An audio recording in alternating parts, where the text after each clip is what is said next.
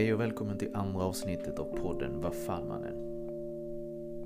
En podd som handlar om idén om att vara man i samhället idag. Vilka är de roller vi som män tar och vilka är de roller vi som män får? Och på vilket sätt blir de konstruktiva respektive destruktiva för oss som män? Den här gången har jag haft en walk and talk med Manne som hörde av sig till mig efter första avsnittet. Tillsammans med Manne pratar vi om den känslomässiga tysta mannen.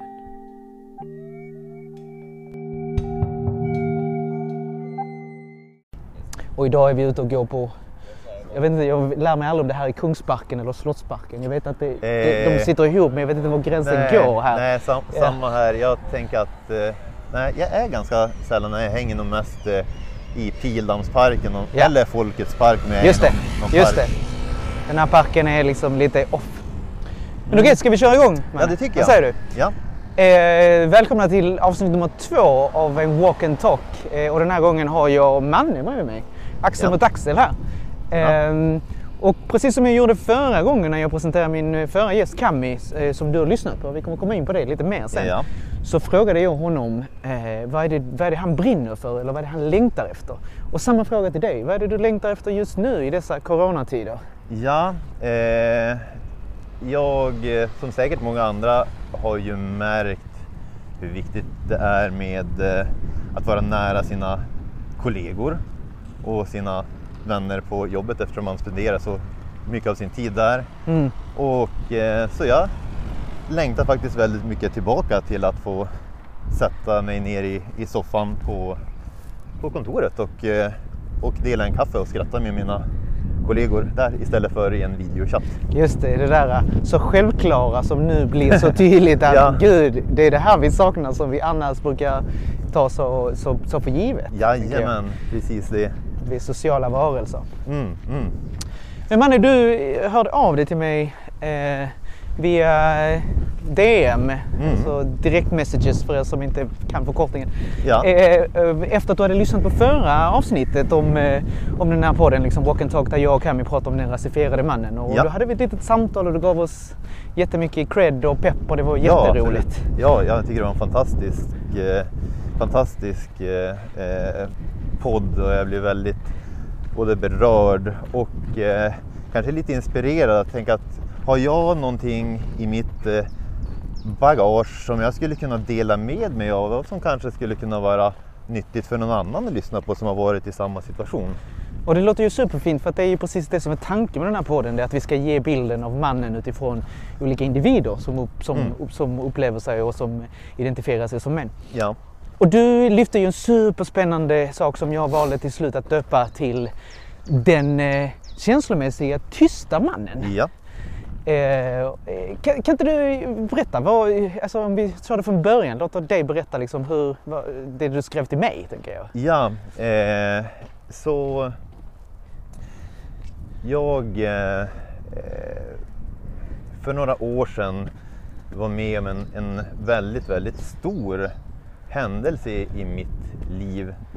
Vilket eh, var att jag började öppna upp och prata om mina känslor, bekymmer och eh, saker jag var lite orolig för och ledsen över med en man. En, en, Mm. en person som kom att bli min bästa vän. Och eh, innan dess, 35 år gammal, så kan jag aldrig riktigt se och tänka att jag faktiskt har vågat eh, öppna upp och prata om mina innersta känslor. Förutom kanske om jag har haft någon eh, partner eller när man blödig på fyllan har sagt till sin kompis hur mycket man älskar honom och så sen så är man, återgår man till det där tysta eh, samspelet där man bara snackar om alldagliga saker Just det, att inte gå efter. på djupet kring... För jag menar, jag har, en, jag har en idé och när jag är ute och föreläser ibland, för jag träffar ganska mycket ungdomar i mina föreläsningar, Mm. så brukar jag säga att jag vill döda idén om att vi män är dåliga på känslor. För det finns ju en sån samhällsidé om att Ja. män är dåliga på känslor. Jag brukar säga nej, det är inte riktigt sant. Vi är väldigt bra på känslor men vi är väldigt bra på att få känslor. Ja. Jag menar ilska är vi ju, åh gud, Ja, vi, herregud. vi Ja. äger ilska. Vi kan, vi kan liksom visa det med kropp och med röst och med språk. Och, Mm. I glädje är vi också väldigt bra på att vara glada. Vi hanterar väldigt många känslor genom du vet det här jag bara skojade, men ta det lugnt nu. Ja. Ja. Låt oss ha lite roligt istället. Och sen så har vi den där självklara traditionella känslan eh, som har med den sexuella lusten att göra Mm. som vi också äger ganska mycket. Eh. Och vi har på något sätt rättigheterna till. Ja. Eh, och så blir vi kanske lite rädda när andra identiteter helt plötsligt också kan ta, ta den i, i, i, sin, i sin makt och göra någonting med den. Liksom. Ja. Men de tre känslorna är vi väldigt duktiga på och vi lär varandra och, eh, hur de ska uttryckas. Men sen så finns det de här andra, det här med till exempel sorg och sårbarhet och Ja, bräcklighet som vi är tysta om. Och det är där tystnaden kommer in tänker jag. Ja, eh, absolut. Och... Eh, mm, men det som hände då, om vi ska Ja. gå in på hur det liksom vaknade för mig, var att, eh, att min, eh, min dåvarande flickvän hade gjort eh, slut med mig och Mm. jag var väldigt förälskad i henne. Mm. Och jag var, blev väldigt uppriven och började titta tillbaks på vad i det förhållandet som jag kände att det här, liksom, varför hade jag agerat på mina rädslor och känslor på det sättet som jag hade gjort i det förhållandet. Just Med det. så här, svartsjuka bland Mm. annat och, och de eh, tendenserna. Och eh, Så du hade gjort en liten självanalys efter att du blev lämnad av henne? ja, ja men Ja. precis. Eh, så jag var mitt uppe i det där. Jag, det, det växte och blev mycket större där jag började fundera på hela mitt liv. Mm. Saker som jag hade varit dålig på att både kommunicera och att eh, eh, bejaka olika drömmar och sånt för att, av, av rädsla för att misslyckas Just eh, mycket. Eh, men, men just eh, i mitt förhållande till hur jag är i ett eh, förhållande blev väldigt stort för mig just då.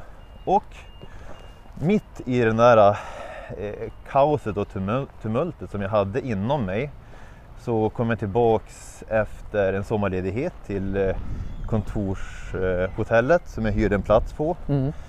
Eh, jag stod vid kaffemaskinen och tog en kopp kaffe och det Mm. kommer fram en, en kille som jag inte kände speciellt mycket sen innan. Vi hade hejat lite grann på eh, kontoret och haft några korta, lite mer alldagliga Mm. samtal. En bekant skulle man kalla det. Ja, en bekant Ja. som kom fram till mig och frågade hur det var. Och eh, instinktivt så svarade jag som man alltid gör. Just ja, men det är det bra. är bra. Det är bra. Allting är jättefint. det är bra, inga problem. Men sen så tog det några sekunder och så sa jag till honom att nej, det är faktiskt inte, så, bra. Det är inte så bra. ja. Eh, och jag berättade om min situation, att jag hade blivit lämnad och att jag, eh, ja, att jag var väldigt uppriven över det. Mm. Varpå han berättade att han just hade blivit lämnad av, av sin eh, fru. Och, eh, så han var i en liknande situation som du var i egentligen? Ja, ja, vi, vi, vi liksom tajmade det där väldigt bra. Så vi satte oss först ner över den där koppen kaffe Mm. Och började prata och, och det bara liksom började flöda ut eh, tankar och, och känslor. Man försökte sätta ord på det. Mm. Hur var, så, hur var det? Mm. Innan du, hur var din känslan? För du beskriver ju att du aldrig gjort det med en man förut och Mm. att du helt plötsligt, ja det här var bekant. Tror du att det hade varit, var det enklare just att han här nu var en bekant till dig och hade det varit svårare om han hade varit en nära vän? Tänker jag, eller? Hade, spelar det någon roll? jag tror absolut att det hade spelat roll. För jag tror att i min umgängeskrets, alltså mina, de som var mina eh, och fortfarande är mina nära vänner, Mm. till, upp till den punkten, man ha- har, eller jag har liksom en roll i den kontexten som kanske inte är att... Eh, alltså det hade känts konstigt att på något sätt bryta den rollen som Just jag det. hade där. Eh, och det var lättare med en person som jag inte hade någon speciell relation till Ja. just då. Och sen så tror jag nog att det underlättade väldigt mycket att han också var i en liknande, Situation. ja Mm. precis. Just han kunde känna, han, du visste att han kunde känna igen vad du kände tänker jag. Ja, ja Ja. absolut. Eh, Vissa tankar och känslor tror jag att vi ekade Mm. Och vissa var liksom att eh, ja, Det var annorlunda liksom ja, för er. och man bara lyssnade på Mm. varandra och försökte så här, Ja. ta in, ja just det så här. Eh, och det där växte till att vi sa, ja men vi går ut och tar en öl tillsammans, Mm. eh, pratar lite mer om det här. Och eh, vi gjorde det och liksom kom närmare och närmare varandra i det här och, liksom, och blev, hittade ett sätt att, eh, att kunna prata om våra känslor och, och rädslor och sorger med varandra på ett väldigt avskalat sätt. Man behövde det. liksom inte så här konstla till det eller låtsas att man är så här, har någon form av så här machoförhållande till det eller någonting. Utan det det. här är bara precis så här känner jag inför det här. Och eh, eh, den vänskapsrelationen växte och växte och växte och för ett eh, år sedan så var jag best man på hans eh, bröllop. Nej, Ja. vad kul! Det stämmer. Vad kul! Ja, det, Det tänker jag det är också en roll som, som betyder mycket att ha i, en, i, i ett bröllop. Tänker jag, att vara ah, best man. Ja eh, absolut. Det eh, var Ja, det var extremt.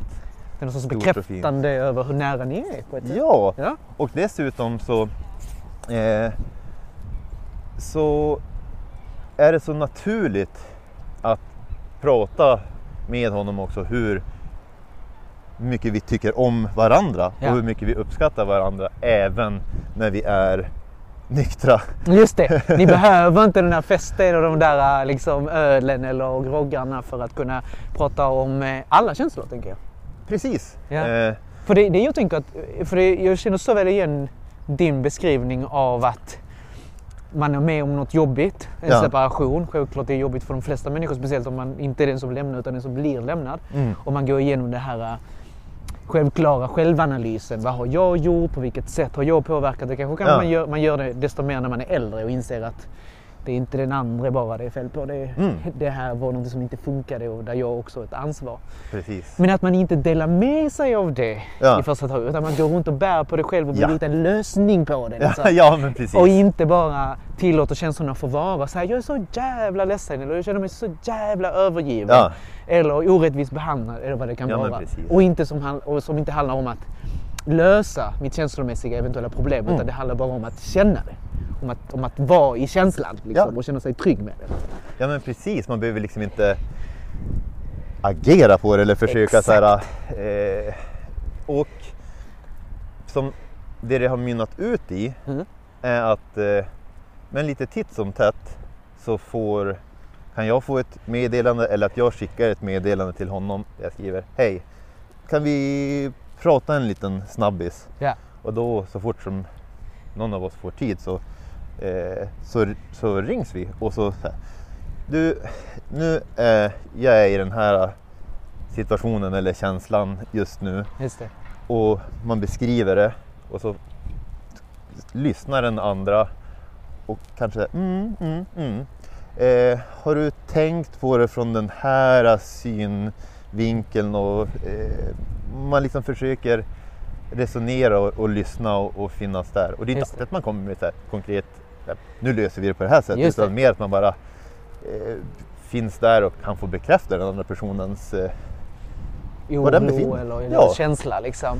Och det låter ju himla fint. Jag tänker, det låter ju så självklart. Ja. Alltså när du säger och jag hör dig säga Ja. det så det bara, men så här borde det väl vara för alla. ja, Men du och jag som blivit uppfostrade till män och där Ja. vi har tittat till män för att bli de här männen vi har blivit. Ja. Vet att det är ju inte så för Nej. oss män. Nej. Det är ju verkligen inte så. Nej. Utan det handlar väldigt mycket om, snarare om och vi, innan jag började spela in så pratade vi lite om det här att jag kunde känna igen det vi, själva dagens ämne efter att jag hade varit med på en podd eh, Ja. som handlade om min pappa. Just det, ja. Och eh, den där podden gjorde att Eh, och tack till dig Kalle som, som bjöd in mig till den här podden eh, och som ställde de här lite jobbiga frågor som inte lät mig liksom komma undan utan han var ju väldigt bra på att ställa frågor och låta mig stanna i det där jobbiga som kan vara i relation det. det här till min pappa liksom, och vad jag kände. ja. Och att jag bad min pappa lyssna och så, såklart bad jag honom om, om tillåtelse att kunna prata om vår relation, vilket jag fick. Ja. Och sen efterhand så, så åt vi lunch och pratade om vad han hade hört på podden. Ja. Och det samtalet var verkligen ett samtal som ledde oss till den platsen vi är på nu där det finns en... Det är inte bara ett, eh, ett band som handlar om att vara pappa och barn utan det är ett, det är ett emotionellt band som Mm. jag kan känna igen som du beskriver till din, till din, till din vän. Alltså Ja. det här emotionella bandet som jag aldrig har känt till, som aldrig har kunnat känna till min pappa. Ja, just det. Ja. Eller till andra män för den delen. Ja, Men det bandet känner jag mycket väl igen till en flickvän exempelvis. ja, ja men precis. Eh, eh, och eh, någonstans så tänker jag att visst, det är väl fint att kunna dela med sig av sina, det ska man väl, till sin, till, till sin partner, till, Ja. sin, till sin flickvän. Mm. Men, men den personen ska väl egentligen inte vara ens eh, psykolog hela tiden eller Nej. måste liksom vara mottagare för alla ens eh, rädslor. Och, kanske dessutom om det är någonting som har med henne att göra Exakt. och hon ska behöva förhålla sig till Vem har det vi då, då? Då hamnar vi i någon sorts ensamhetsplats liksom. Om, Ja. det, om det är relationen som, som liksom tar slut som i, som i ditt fall då, Ja. som du berättar. Vi, och, det, och det är ju den personen som är den mest närmast känslomässiga. Ja men då är vi ju ensamma med våra känslor. Ja. Då blir vi ju ensamma med våra känslor. Ja. Vilket jag ser så många gånger och så ofta män som då blir ensamma med dessa känslor och sen så går de in i en ny relation Ja, och så lägger de all sin känslomässiga eh, sårbarhet kanske just i relationen. ja, Och sen så brister den relationen eller så Ja. avslutas den. Och så är man tillbaka på ruta ett och så, och så är det ett mönster i det här. Och det skapar en bitterhet hos många män. Jag känner så många äldre Mm. män som är lite bittra. Men också ensamma. Mm. Den här ensamheten, känslomässigt. För det handlar inte om en fysisk ensamhet. För att ibland när vi pratar och när jag läser artiklar eller kollar på tv-program så pratar man om de ensamma männen. Ja. Och jag vill ju lyfta att det handlar inte om en, en fysisk ensamhet. Det Nej. handlar om ett känslomässig ensamhet. Känslan av att ingen har någonsin sett hela mitt jag. De har sett mitt glada jag, mitt starka jag, Ja. mitt driftiga jag, mitt eh, clowniga jag. Mm. Men de har inte sett mitt mitt eh, lilla, lilla rädda jag, mitt, eh, Ja. mitt eh, osäkra jag, mitt otrygga jag. Ja. För att jag, vet, jag har inte kunnat visa den och jag har inte kunnat, eh, jag har inte haft någon som har kunnat ta emot det. nej, nej. Så. Och någonstans i allt det där, när man så förstår hur många runt omkring en som går och bär på de där rädslorna och den där ensamheten. Mm.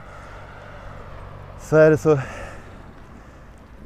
Man blir så modstulen av hur egentligen, alltså steget kanske känns väldigt långt, men hur enkelt det kan vara. Ja. Och det är, och det är liksom att våga, våga visa sig sårbar för en vän. Ja. För en, en, en vän. Och när, man, när jag tänker på det så är det bland det finaste som man kan vara också att få vara den vännen som någon annan kan luta sig emot. Exakt. Att, att vara mottagaren av någons sårbarhet. liksom. Ja, Mm.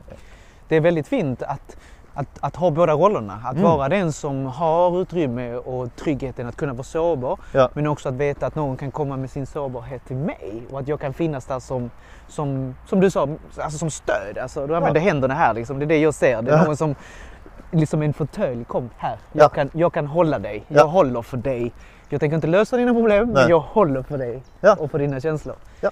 Och det är en väldigt, eh, det är en väldigt fin sak som jag tänker att som barn söker vi ju det hela tiden. Mm. Skrapa knäna när vi är barn och så kallar vi Ja. på någon förälder eller någon vuxen. Hjälp! Ja. Eller så gör vi liksom, eh, eh, ber vi någon annan hjälpa oss. Mm. Men som vuxna och framförallt som män så slutar vi lite med den, eh, då ska vi bli någonting annat. Blir vi de här rollerna som du var inne på med dina vänner. Mm. Men, men jag, jag blir ändå nyfiken för jag tänker att jag, jag Mm. känner igen det du beskriver och, och den här liksom, här, tysta eh, ensamma mannen, liksom, Ja. tysta känslomässiga mannen som jag också jobbat ganska mycket med min sårbarhet. Mm. Men vad, är, vad var det som fick dig att den dagen eh, Alltså var det liksom att du hade garden nere eller var det så att du re- redan sedan ett tag tillbaka hade tänkt bara, jag kan inte bära runt på de här känslorna själv, jag måste prata med någon. Ja. Eller, eller överraskade det dig? Kommer du ihåg hur det var? Eh, jag tror att det, jag tror nog faktiskt att det var mer en, en, en överraskning Mm. eh, för mig själv när det, när det hände. Som att det fanns Ja. ett, eh, det fanns det behovet och det blev så, sto, oj, så stort och så starkt just eh, då. I den stunden liksom? Ja, precis. Det blev Mm. så himla... Jag, var, jag måste säga det här Just det. nu.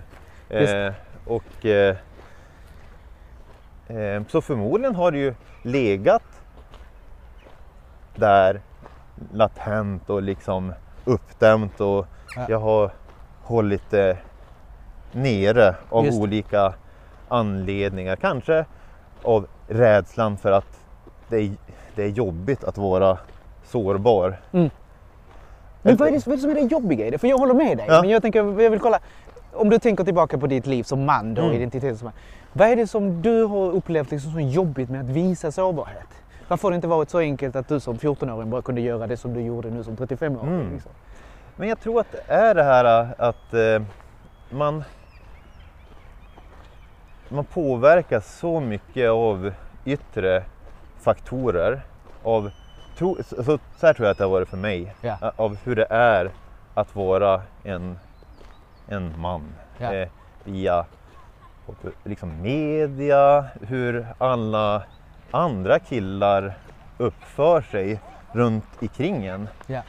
Eh, jag hade ju liksom massa intressen som jag ja, men spela, spela teater, Mm. gillar musik, gillar att och, och sjunga och sådana saker. Men jag vet inte varför men liksom som att jag tonade ner det lite grann, liksom betydelsen av det för mig själv eller hur att vara jag hade svårt att vara stolt över de egenskaperna för att det liksom någonstans kände att är det här coolt och Just det.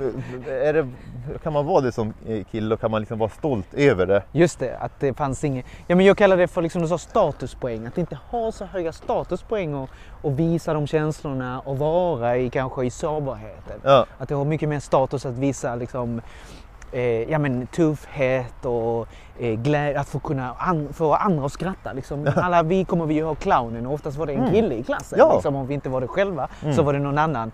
Och vi älskade den här clownen. ja, Eh, men det var ju också ett sätt att skydda sig. För den känslan är ju jättehärlig, den här glada och Ja. få alla att skratta. Även när Ja. jag är ledsen och kanske behöver, behöver bli omfamnad istället. Så får jag de andra att skratta så, så blir det en lättnad. Tänker. Mhm. Samma sak med den bråkiga killen. Jag var ju lite av, många gånger den bråkiga killen. Liksom.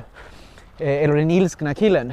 Som Mm. också var under tonåren. Liksom, att vara arg. ja, Eh, den är ju enkel att ta till och den, den ger ju pluspoäng på något sätt. Den ger ju Mm. status bland andra killar framförallt och idén om att vara kille. Ja. Jag är väldigt mycket kille om jag är väldigt arg för det här. Ja. Ja. jag tänker på dessa Trump-tider och där, där liksom det är så många män som eh, tycker att det är så härligt att någon vågar vara sig själv. Ja. Eh, Det jag hörde att någon är väldigt arg ja, eh, och ni projicerar er ilska på den här mannen. Men Ja. tänk om vi hade kunnat visa alla de andra känslor som finns där under. ja. För det är ju, för jag tänker på mitt liv och, och det du är inne på, den här sårbarheten. Varför vissa gör det nu Mm. när jag är liksom 40 plus Mm. och fortfarande har svårt att alltid ta fram den och, och, och finna mig i den. Mm. Och varför kunde inte jag visa det som 14-åring? Och det har att göra med, i alla fall från min, mitt perspektiv och min bild, det är ju det du var inne på. Det här med, med stoltheten. Att jag, jag ville att andra skulle tycka att jag var också med i gänget. Ja. Och det här gänget höll inte på med sådana här saker. Så varför ska jag... Ja. Varför ska, jag ibland när jag föreläser så försöker jag förklara för, eh, för killar eh, och tjejer liksom just det här med eh, hur vi lär oss vi- vilka känslor som är de, de som premieras och de som liksom varje grupp har. Jag brukar använda Ja. det här exemplet som jag fick från någonstans. Jag kommer tyvärr inte ihåg var jag fick det men jag tycker det är så talande. För det är så här att jag brukar fråga folk så här, när var det senaste gången de såg en vuxen man Mm. vara ledsen Mm. offentligt Ja. och en annan vuxen man tröstade den här mannen. Ja. Och det tar ett långt stund innan någon säger ah, men det var nog eh, för halvår sedan. Och Ja. då visade det sig oftast att det var i samband med en begravning. Alltså Aha. riktigt hemska saker. Ja, ja. Och sen så ställer man frågan, okej, när var det senaste gången ni såg en kvinna, en vuxen kvinna, Ja. gråta offentligt och bli tröstad av en annan kvinna? Nej men det var ju förra veckan. Ja. Det säger jag, ja det säger skolan eller det säger jag på jobbet. Ja. Och redan där så tänker jag, okej om jag är en ung kille Mm. som håller på att liksom bli en vuxen man Mm. Och jag tittar mig omkring i samhället Mm. och jag ser inga män som gråter offentligt, det vill säga Mm. vissa inte visar känslor Mm. och inga män som fångar andra män. Men det jag ser är att det är kvinnor som gör det Ja. och fångar andra kvinnor. Ja. Eh, så kommer det per automatik innebära att om jag börjar göra det där som kvinnorna gör så kanske jag hamnar i fel lag Ja. i min värld. Ja. Och pratar inte vuxna om detta Mm. så blir det ännu mer en, eh, vad ska man säga, en, en, ett, en, ett ämne som tabu. Alltså det är tabu, vi pratar inte om det. Nej. Eh, Nej men det tycker jag man ser alltså, eh, om i sociala medier om det är någon, eh, jag tror att det är, jag vet inte om det är Hansa-kompaniet eller någon, någon som har någon kampanj där en kille står och gråter. Man ser det. kommentarerna. Och det här är ju så himla mycket sådana eh, känslofientliga kommentarer om att det, att det är en så himla PK-kampanj Mm. och bla bla bla. Att det är på något sätt associerat med eh, någon form av eh, politisk just det, korrekthet och så. Eh, att man vill fånga, få några poänger där. Eh, så eh, eh, liksom, jag vill inte säga någonting om kampanjen eller budskapet i sig men mer om kommentarerna kring. Just det. Hur folk reagerar på Ja. kampanjen liksom. ja, Nej, och det är spännande för jag möter det ju fortfarande bland unga. Just det du och jag växte upp i. Ja. Och den, den svårigheten att visa andra känslor än ilska, glädje och kåthet. Mm, mm. Och, och också hur vi lär oss att filtrera. Jag kommer så väl ihåg en ung kille, jag tror han gick i högstadiet. ja, Eh, och vi pratade just det här, känslor överlag pratar vi om liksom, i skolan. Vi hade en sån här sex och samlevnadsdag. Ja. Och jag pratade om känslor med dem. Mm. Eh, vilka är de mest grundläggande affekter? Eh, och vi hade ett samtal, jättebra samtal. Ja. Och då är det en kille som i slutet av lektionen kommer fram till mig och säger Vet du vad Marco? Jag, jag kan gråta. mm. Jag kan gråta som kille. Jag bara jättebra. Men jag kan bara gråta när jag är arg. okej. Och det var ganska intressant för vad jag hörde honom säga där det var att han hade lärt sig att kanalisera uttrycket av sorg genom ilska. Ja, ja. Att han inte tillät sig eller visste hur han längre skulle göra för att kunna vara liksom ledsen. Mm. För att om han ville gråta så var det på något sätt omanligt. Men om han var arg, då var det manligt. Och då kunde Ja. han gråta. Då fanns utrymme för att gråta. Och det tycker jag är så sorgligt när man är 15-16 år. Ja. Att redan då ha etablerat det här förhållandet till sina känslor. Just det. Vissa är okej, vissa är inte okej. Mm. Och därför hittar jag ett sätt att hantera det. Ja. Ett- Ett annat exempel, exempel är ju de här med skam. Jag vet inte om du, du kanske känner igen det här, för det känner jag igen hos mig själv. Mm. Vi gör någonting vi skäms för. Ja. Eh, och det naturliga är ju att när man inser det, när man bara känner den här skammen i kroppen, att man skulle då säga eh, Förlåt, det där var inte meningen, det känns Mm. jättedumt. öh." Mm. Men det första vi säger det är bara så att, men det var inte så farligt. Ja. Nej, det, var inte mening. det var inte min mening. Ta Ja. det lugnt nu, det var inte min. Då fattar jag att jag ville bara skoja. Ja. Eh, och att förlåt blir ju på något sätt eh, lite sekundär. Mm. Istället så lägger vi krut på att du måste förstå att jag är en good guy. Ja. Jag är inte en bad guy. Nej. Och, och vad det kan leda till, framförallt bland unga märker jag, det är ju att när den andra står på sig och säger nej men jag vill ha en ursäkt, det där var Mm. inte schysst. Mm. Att vi blir arga istället. Ja. på den som ber, ber oss om, om liksom någon sorts ursäkt Ja. för det vi har gjort. Mm. Eh, kan du känna igen det? Ja, alltså jag tror att jag har nog alltid gått i någon form av försvarsmekanism där jag vill förklara. Mm. Alltså för, förklara Ja. och liksom eh, få den andra förstå vart jag kommer ifrån. Men det, men, då, men det har nog också innan ofta blivit som att jag inte ska behöva be om ursäkt. Utan det. det. var naturligt att jag gjorde så här Ja. på grund av bla bla bla bla. Just det, just det. Eh, men när man egentligen kanske borde fundera på äga den där situationen som man har skapat, be om ursäkt och sen kanske fundera lite grann. Är det, är det ens rimligt att, att jag gjorde eller sa på det här sättet? Och varför gjorde jag det överhuvudtaget? Just det. Alltså Just det. liksom fundera, varför ska den andra behöva förhålla sig till mi, mina eh, tidigare erfarenheter som har gjort att, att jag agerar på det sättet? Eller är det mitt ansvar att deala med det, be om ursäkt och, in, och inte göra om det en gång till senare? Just det, att förstå att det här och åsamkat någonting jag inte ville och det berodde lite på mig. Ja. Alltså på min, eh, men någon sorts ansvar. För det är också så roligt. Oftast när jag, nu refererar jag väldigt mycket när jag är ute för det är där jag hämtar väldigt mycket liksom, Ja. kunskap om samhällsnormerna, hur liksom, ungdomarna ser på sig själva och hur vi ser på idén om att vara man. Japp. Men jag får ju ofta höra också sådär när jag frågar dem, okej när blir en pojke en kille? Ja men det är vid tonåren. Ja. Det är när vi får liksom mörkare röst och vi börjar Ja. få liksom ansiktsbehåring och, Ja. och du vet såhär, hår på pungen och killar tycker det är skitspännande att pra- prata liksom, om just de här grejerna. Eh, och så frågar jag, men okej, så ni är killar? De bara, ja, Ja. vi är killar. Så att de går i nian. Ja. Så när blir vi män? Eh, ja, nej men det där är olika. Man blir, nå- så är det alltid någon som skriver när man är 18 och det är någon som Mm. säger nej det stämmer ju inte. Och då är det alltid någon klok som säger, ja men det är när man är mogen. Ja, Och då frågar jag, men när, vilken ålder är det? Ja, det är lite olika. Okej, så man behöver inte mogna vid samma ålder? Nej, säger de.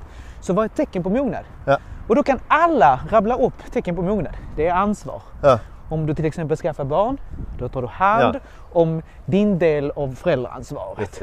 Om du gör fel så Mm. ber du om ursäkt. Ja. Du kan se skillnad på rätt och fel. Mm. Att du inte använder våld. Och du vet, de räknar upp alla de här sakerna som vi alla vet. ja. Och så tittar vi oss runt i samhället och så tänker vi bara det är inte många män som är bra på att göra det de vet alltså. Och för mig blir det ju en direkt koppling till bara okej så. Vi vet vad vi vill göra, vi vet vad Ja. som är ansvarsfullt, vi vet vilken bild vi vill ha Ja. av mannen. Ja. Och vad är det som, inte, som gör att vi inte lyckas?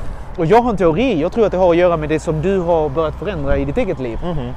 Och det är att vi slutar tävla med våra medmän. Mm. Och att vi börjar istället liksom gå axel mot axel. Lite som du och jag går nu. Istället för att gå panna mot panna och säga vem som är bäst, vem som är duktigast, vem som är starkast. Så säger vi, vet du vad? Det här känner jag nu. ja. Och så rör vi oss åt samma håll liksom samtidigt. Ja men precis, det är ingenting man behöver vinna över någon. Det är, liksom, det är ingen tävling. Mm. Det, är, det är att eh, hjälpa, hjälpas åt att eh, må bra, lyssna, eh, bry sig om varandra på, på riktigt. Mm. Inte så här... Och eh, jo, och det har jag nog känt väldigt mycket innan, eh, i, liksom när man har gått i, i clinch och diskussioner och det kan nog mina systrar och min pappa och ex och så vidare Just det, de kan intyga. eh, intyga att, eh, att det blir ofta så här, mm, man sätter ner båda fötterna jävligt, jävligt hårt och spänner sig. Så bara, hur ska jag liksom forcera igenom min poäng nu och Ja. vinna det här? Ja, Eh, så, och det är inte alltid lätt fortfarande. Alltså man blir, om någon kommer med något liksom påstående eller med en frå- ifrågasätter en, Mm. att det är ganska lätt fortfarande att, att den första reflexen är att gå i försvarsställning just och det. säga, hm, hur ska jag så här, bemöta det här för att på något sätt komma, komma out on top? För att Mm. Just det. vinna den här diskussionen. Just det. Istället för att man bara säger, hmm, okej. Varför eh, känner du så? Vad är det liksom som jag har gjort som har Just det. eh, triggat sorts igång? undersökande samtal snarare Ja. än eh, tävlingssamtal. Liksom, Ja. argu- Argumentativt samtal. Liksom. För liksom om man, om, om det i slutändan visar sig att, hmm, just det, det här kanske är någonting i mig som, som jag kanske borde fundera lite grann över. Mm. Då har man ju kommit vidare liksom. Just det. Och det, men det, visst, det kan ju hända att, eh, att, eh, att den andra kommer med någonting som är oresonligt i slutändan och att, att eh, diskussionen leder fram till det. Men att man åtminstone är öppen för möjligheten att, eh, att det är någonting i en själv som är orsaken till den negativa situationen som har uppstått. Just det. Just det. Och att den andras reaktion bygger på ens egen handlingar just Ja. i det här fallet. Ja Liksom. men precis. och att det inte kommer från ingenstans. Mm. Men vad, om vi liksom så skulle säga... Nu föds det ju en massa barn hela tiden tänker jag. Det gör det ju historiskt så, Ja. så förökar vi oss vi människor. Så det föds ju en massa unga människor. Ja. Eh, som då ser de här sakerna. Liksom, Ja. eh, De ser dig och mig gå här, vi pratar, men de ser ju inte uttrycket av känslor Nej. bland då vuxna män som, så mycket som vi anser att det kanske borde behövas. Mm. Vad säger vi till dem? Vad säger vi till de föräldrarna som har barn? Har du något, någon idé, någon tanke på vad är, det, vad är det som man skulle kunna göra med någon som har barn för att prata om de här frågorna eller ändra dem? Ja. De här normerna? Eh, jag är ju pappa Mm. till en nioårig pojke. Ja. Och även i början i den eh, relationen, eh, vår relation, så var jag också lite rädd först för att visa honom känslor, alltså vi, vara sårbar för honom. Just det. Och där blev vändpunkten en gång för mig när jag skulle lämna honom hos, hos hans mamma och jag skulle inte se honom på två veckor för de skulle ut på en resa. Ja. Eh, och jag kände att, eh, att liksom, det blev för mäktigt för mig att säga hej då. Jag kände gråten börja stocka sig. Och då så liksom sa jag hej då, gick ut ur lägenheten, ställde mig utanför dörren och liksom började storgråta där. Just det, du väntade tills han inte såg dig längre. Precis, men när jag åkte ner i hissen sedan så var det som att jag liksom började processa det och så funderade jag på, men är det så jag vill att han ska växa upp och inte, inte liksom lära sig och förstå att det är okej att visa Alla känslor käns- som alla alla käns- känslor. känslor. Ja. Så från den punkten Ja. så har jag liksom slagit om helt och nu pratar vi väldigt, alltså när, när han verkar vara orolig eller tänker på någonting. Eller om jag också kan vara lite ledsen över någonting. Mm. För han är, han är väldigt empatisk och, och så. Han kan se om, om det är någonting som jag är orolig över. Så då kan man liksom försöka formulera det på något sätt som han kan ta till sig. Och att jag är väldigt, försöker vara väldigt noga med när jag märker att han eh, kanske är lite tystare än vanligt eller att det verkar vara någonting. Just det. Att jag börjar nysta i det. Mm. Och han har liksom blivit mycket bekvämare med att förklara för mig. Ja, i, ja men idag kände jag att jag hade lite ont i magen på grund av det eller det. Just det. Och det kan vara kopplat till en, till en känsla då som har uppstått i en situation I skolan eller något, något annat. Så han kan dela den, den upplevelsen med dig utan att vara rädd för att du ska på något sätt säga att den inte gäller. Att den inte är viktig. Precis. Mm. Eh, och då att man försöker liksom, ja, prata om, om, eh, om det. Att det är, liksom, det är inget konstigt att du, eh, att du känner så. Liksom, man börjar eh, liksom få honom att, att landa. Det är, helt, det, det, är, det är inte bara helt okej utan det är bra att, eh, att, att prata om och ta upp när, när någonting som man man är orolig eller mår dåligt. Eller Att det finns någon sorts förväntan på att han ska prata om alla sina känslor med dig. Liksom. Ja, eller att, att, att, åtminstone att, han, att jag finns där Mm. och att det är om, om man känner någonting så finns jag där för honom och lyssnar om han eh, liksom behöver, behöver prata. Just. Du blir ju den här eh, kompisen som du beskrev innan. Ja. Den här omfamnande vuxna mannen. Ja, ja men precis. Och det som är fint ofta efter, eh, liksom en, om man har, har eh, gått igenom det tuffa liksom, snacket när om han har öppnat upp, så brukar det ofta följas upp av att man kanske så här, sitter i soffan Mm. Och att han bara liksom matar på med massa andra idéer och tankar som man har för att liksom den proppen har släppt Just det. och då så bla bla bla bla bla. Just det. Du har öppnat upp någon, någon, liksom, någon dörr där. Liksom. Ja, och då kan, men då kan det spilla över i att jag menar, tankar om rymden, världen. Att liksom, men innan så har det varit en liksom lite, lite tystnad, Mm. tillknäppthet. Men när den, Förbi. ja då kan liksom det andra få komma ut. Det låter ju himla fint att du möjliggör det för honom. Tänker jag. För det är det du gör. Du Ja. möjliggör. Ja men för man vet ju själv hur det är när man går med ett, eh, den där liksom klumpen i magen eller någon knut. Att när man väl har fått prata om det med någon och sätta ord på det och lyfter Just det. så kan liksom, så jag vet inte om att man gör ge mer utrymme då för andra mer positiva Just det. eh, Det släpper idéer och tankar. alltså, det blir en lättnad på något Ja. sätt. Man brukar säga liksom, tyngden lättnar. Liksom. Mm. Men vad fint. Lyfter fram trollen i, i ljuset. Så. Just det, just det. så Så, dö, så dör liksom. Ja. Just det.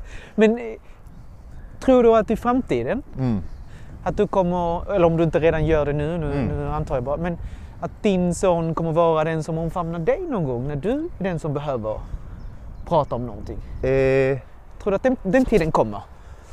det, det skulle nog kunna hända. Alltså, det är svårt att säga vad en person blir för, alltså ett barn, vad den blir för en person när- den är vuxen. Just det. Eh, men jag, jag tror och, och hoppas att vi kan ha en, en sån relation framöver. Mm. Eh, där, ja men absolut, Mm. där, där han liksom ser mig som en, en, en person att, eh, att kanske stötta om jag behöver hjälp. Det är lite svårt för nu är man så himla inne i det här att vara, att vara den personen som är där för i förhållande till honom. Just det.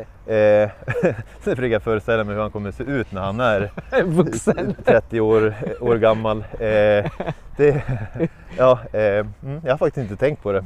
För jag, jag, tänker, jag, jag relaterar ju direkt när du berättar din berättelse om, om att jag kan känna igen vad min pappa gjorde med mig. Att han Mm. också var ganska lik eh, dig i sättet. Liksom, att öppna och prata. Han var aldrig den som var arg. Utan, eh, min mamma var ju alltid den som hade lättast till att visa ilska än vad han hade. Han Okej. ville samtala Ja. och han kunde prata. Han kunde låta mig vara i alla känslor. Ja. Liksom. Eh, och det jag efterfrågade som vuxen var ju just det som jag frågade dig om det var Ja. möjligt. Att nu är det din tur. Kan inte du komma till mig och vara sårbar med mig? Liksom? Nu har jag liksom gråtit och jag har varit ledsen och jag har varit otrygg i din famn. Vad är dina otryggheter och vad är din sårbarhet? Det. Och det är det vi har börjat bygga. Liksom, Ja, en, en gemensam. Och det är så Ja. himla fint. Alltså, det är Ja. så, för att då upptäcker man en, människa, en hel människa. Inte Ja. bara en förälder utan en hel människa.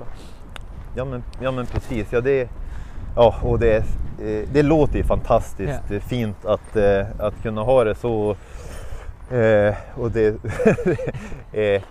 jag önskar att det skulle hända men just nu är det så svårt att liksom jag se förstår det. det, här. när du, ditt barn är bara nio år Ja. gammal så förstår jag att det är en annan roll. Ja. Men jag, jag ger det till dig så att, du har det, så att du har det med dig i fickan liksom, Ja, i framtiden. Ja, Du, men det har varit ett nöje att prata med dig, Manne. Det har ja men detsamma. gått 42 minuter medan vi- sen vi började. Det känns som om det har gått bara 10. Vi hade kunnat Ja, fördjupa så mycket mer i den här jag frågan. vet. Jättespännande. Eh, och till er som lyssnar, hoppas ni gillar det ni hör. Ni får jättegärna kontakta mig. Eh, för eh, om det är något ämne ni vill lyfta lite extra. Mm. Eh, och eh, nästa gång vet jag inte riktigt vad vi pratar om så ni får väl lyssna och se var vi hamnar. Men tusen tack för att du ville dela med dig och vara så personlig Manne. Det var väldigt, väldigt fint. Ja men tack så hemskt mycket för att jag fick vara med Marco. Ja. Ja. Vi hörs. Hej hej!